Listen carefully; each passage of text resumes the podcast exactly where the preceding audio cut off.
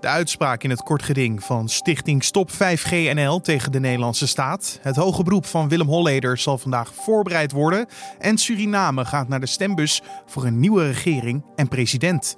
Dit wordt het nieuws. Elke nieuwe regering, of dat nou de NDP is of een andere, uh, als die het land zou willen opbouwen of hier weer uit zou willen kruipen, dat die uh, hele lange weg te gaan is en heel veel impopulaire maatregelen zal moeten treffen. Veel Surinamers zijn klaar met Daisy Bouterse, al de journalist en columnist Shaila Sitalsing. Maar een andere partij zal zich dus niet per se populair maken vanwege broodnodige veranderingen die het land nodig heeft. Straks meer over wat je mag verwachten van de verkiezingen daar.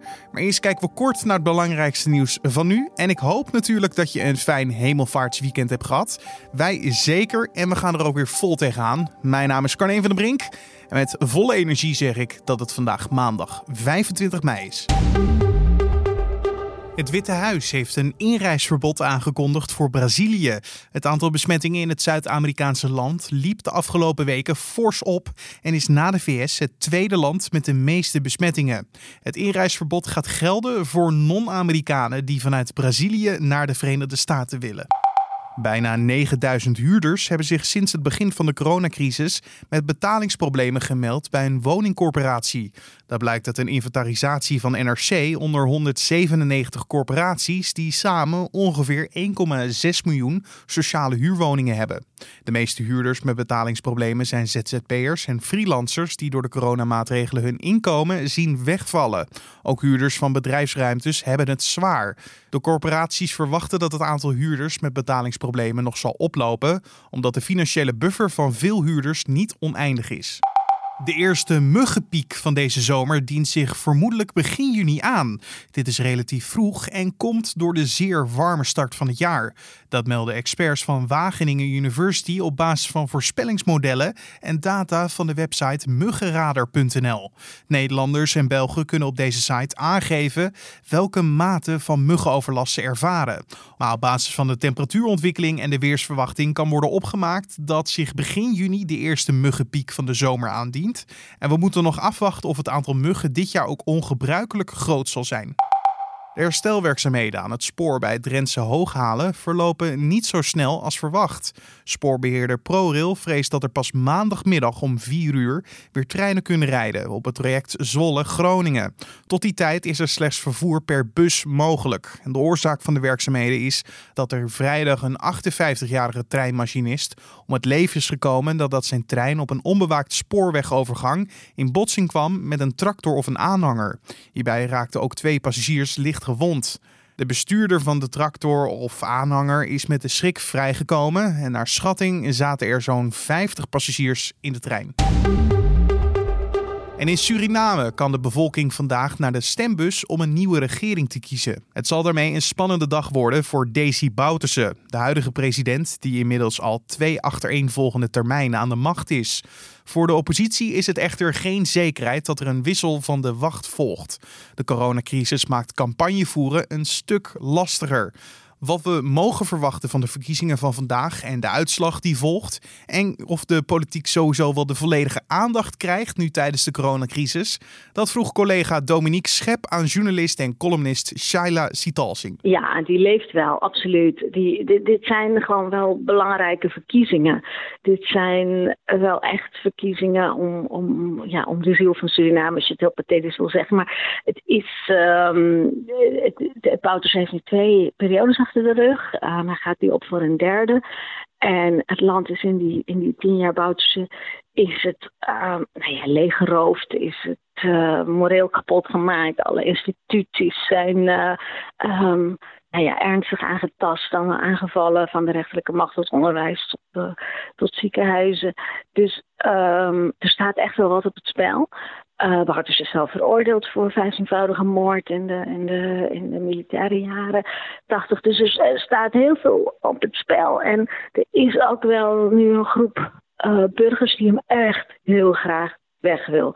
En die er alles aan uh, probeert te doen nu om mensen te verenigen, om op te roepen om naar de stembus te gaan. En om als ze dan naar de stembus gaan, niet op een of ander splinterpartijtje te stemmen, maar echt op, op een van de grote oppositiepartijen. Om Bouters nu echt een keer naar huis te krijgen. Het, het strategische stemmen? Ja, om strategisch te stemmen. Want eh, Suriname heeft een heel ingewikkeld eh, stelsel met districten. En per district is er dan weer een andere partij die in staat is om, die, om, om, om groot genoeg te worden om de, om de NDP, de Partij van Bouters, weg te sturen. En dat, um, nou ja, dat, dat heeft, is nu een groep burgers die heeft helemaal zitten uitrekenen. Wat je per district moet doen als je strategisch wil stemmen. Nou, dat is een ingewikkelde boodschap. Want je moet mensen ertoe overhalen om op een partij te stemmen waar ze normaal gesproken niet van zijn.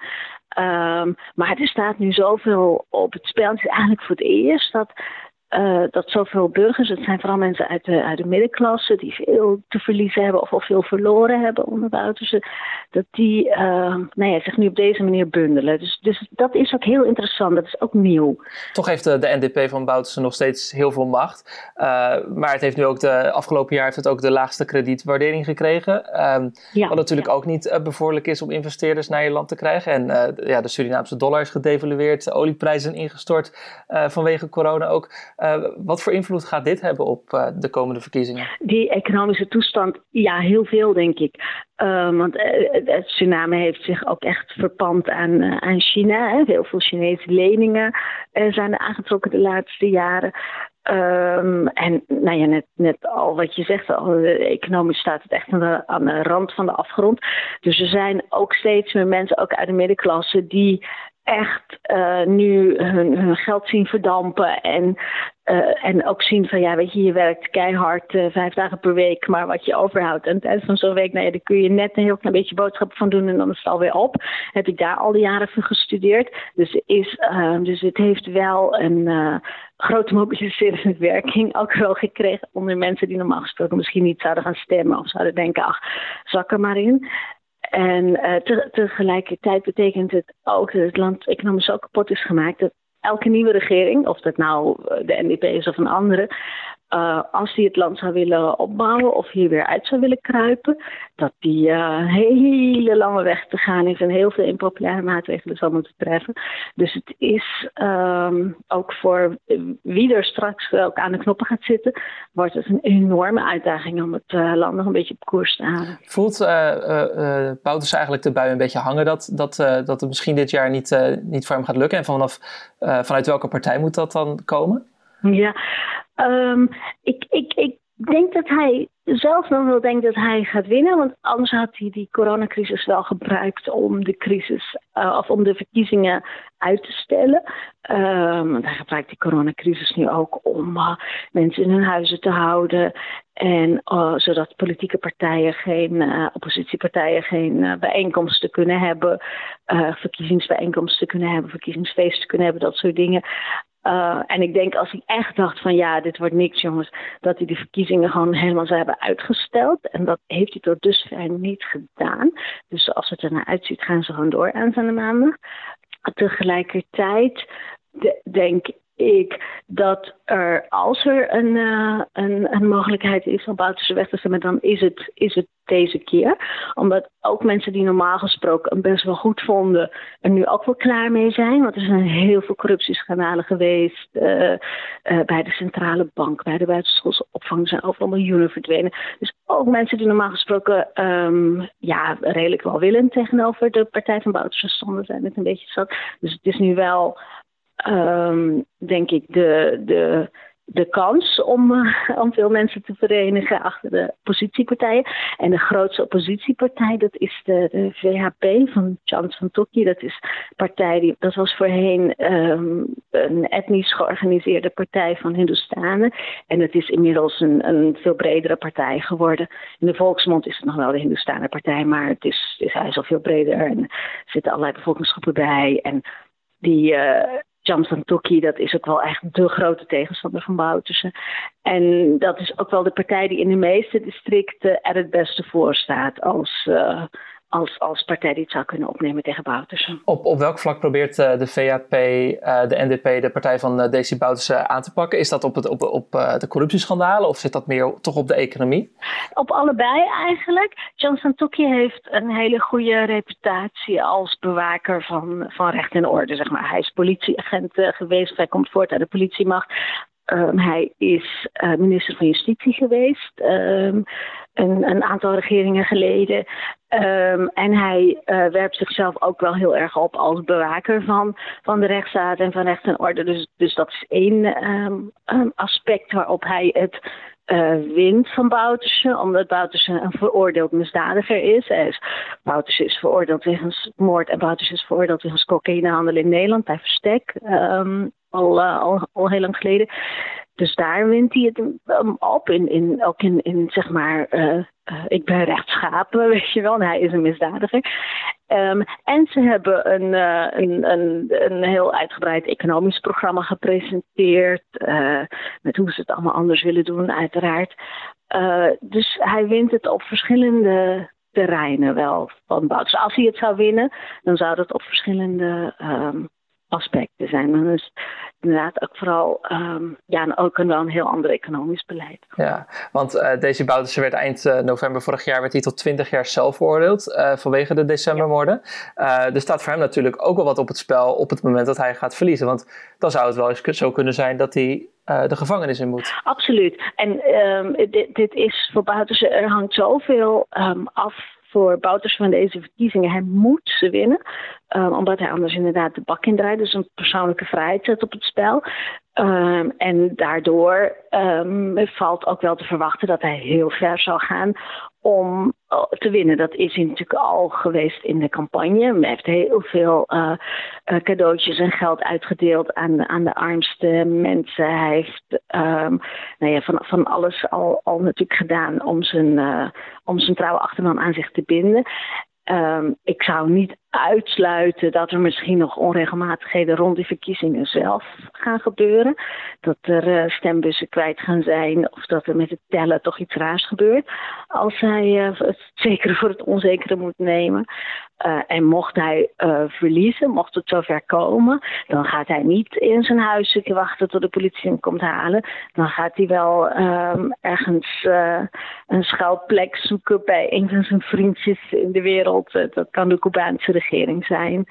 Uh, of de Chinese. Chinese ligt minder voor de hand. Maar uh, Cuba is zeker een optie waar hij dan uh, kan gaan schuilen en een vorm van asiel zal kunnen krijgen. Hij zal zich niet zonder slag of stoot gewonnen geven, zeg je eigenlijk? Nee, nee, nee, nee. Hij is 73, 74, hoe oud is hij?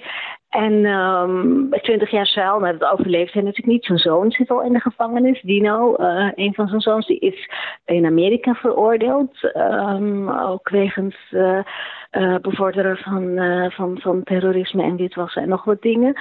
Dus, um, en, die, en Dino zit daar ook voor heel lang en hij kan hem niet, niet opzoeken. Want Bouterse kan Amerika niet in, want dan wordt hij opgepakt en naar Nederland uitgeleverd. Want Nederland wil hem ook nog hebben wegens cocaïnehandel. Uh, nee, Wouterse die gaat niet naar de gevangenis. Die gaat er alles aan doen om ervoor te zorgen dat hij niet naar de gevangenis hoeft. Journalist en Suriname-kenner Shaila Sitalsing hoorde in gesprek met mijn collega Dominique Schep. En mocht je nou meer willen lezen over de verkiezingen, Dominique heeft ook een achtergrondartikel geschreven dat afgelopen weekend online stond op de site. Deze zal ik linken in de beschrijving van deze podcast. En verder volgen we de verkiezingsuitslag natuurlijk ook hier op nu.nl. En dan nog even de verdere nieuwsagenda voor vandaag. De rechter doet vandaag uitspraak in het kort geding dat stichting Stop 5GNL aanspande tegen de Nederlandse staat. De stichting wil dat Nederland stopt met het uitrollen van 5G omdat er te weinig onderzoek zou zijn gedaan naar de gezondheidsrisico's daarvan. Volgens de overheid is er juist wel degelijk breed onderzoek gedaan naar de impact op de gezondheid door 5G-frequenties. Lorenzo S. hoort vandaag of hij wordt veroordeeld voor doden van zijn Utrechtse vriendin Dunja Lachnashi. Ze overleed in februari vorig jaar nadat ze vier dagen eerder thuis ernstig hoofdletsel had opgelopen. De zaak kwam aan het licht toen overburen de politie waarschuwden omdat er ruzie was in haar appartement. Het OM verdenkt Lorenzo S. ervan dat hij haar toen hard tegen het hoofd heeft geschopt of geslagen. Ook zou hij haar keel, neus en mond hebben dichtgeknepen. Daarom wordt 10 jaar cel en TBS met dwangverpleging geëist. En er staat nog een rechtbankzaak op de agenda. Willem Holleder moet namelijk vandaag weer voorkomen in de zwaar beveiligde rechtbank op Schiphol. Het gaat hierbij om het begin van het hoge beroep. Vorig jaar juli werd hij al veroordeeld tot levenslang voor het opdrachtgeven van zes liquidaties. Nu begint de hele zaak dus weer van vooraf aan. Dat kan wel even duren. Vorige keer duurde namelijk het proces anderhalf jaar met meer dan 60 zittingsdagen. De zaak begint met een regiezitting en dat is een voorbereidende zitting waarin vooral praktische zaken worden besproken. Veel inhoudelijks zal er dus nog niet worden besproken. En dan nog even het weer. Zon en stapelwolken wisselen elkaar deze maandag af. Vooral in de kustgebieden klaart het smiddags breed uit op. En het blijft droog en bij een matige noordwestenwind wordt het 17 graden aan zee tot lokaal 22 graden in het binnenland. In de avond klaart het overal op terwijl de wind langzaam afneemt. En om af te sluiten nog even dit. Een kopie van de ring die basketballer Kobe Bryant ontving na het winnen van het NBA-kampioenschap in 2000, heeft op een veiling ruim 200.000 dollar opgebracht. Dat is ongeveer omgerekend 180.000 euro. Bryant liet zijn kampioenschapsring, die nu geveld is, namaken als cadeau voor zijn moeder. De ring is kleiner uitgevoerd dan het origineel, zodat hij om de vinger van Bryants moeder paste. Zijn moeder wilde de ring al eerder verkopen, want de basketballer sleepte zijn moeder in mei 2013 voor de rechter en voorkwam hij hiermee tijdelijk dat de ring werd verkocht. Maar na zoveel jaren later is de ring dan toch in bezit van een andere eigenaar. En in januari kwam Bryant op 41-jarige leeftijd om het leven bij een helikopterongeluk. De basketballer was toen samen met zijn 13-jarige dochter, die ook het ongeluk niet heeft overleefd. En dit was dan de Dit wordt het nieuws podcast voor deze maandagochtend 25 mei. Je vindt deze Dit wordt het nieuws podcast in de ochtend en in de middag op de voorpagina van nu.nl en in je favoriete podcast-app, zoals een Spotify, en Apple Podcast of een Google Podcast. Download die apps, het is gratis en dan kan je ook gratis abonneren op deze podcast. Uh, heb je ook nog feedback voor ons? Laat het ons vooral weten via ons mailadres podcast.nu.nl en je kan ook altijd een recensie achterlaten bij Apple Podcast. Mijn naam is Carne van der Brink. Ik wens je een hele mooie dag. Bedankt voor het luisteren en graag tot de volgende.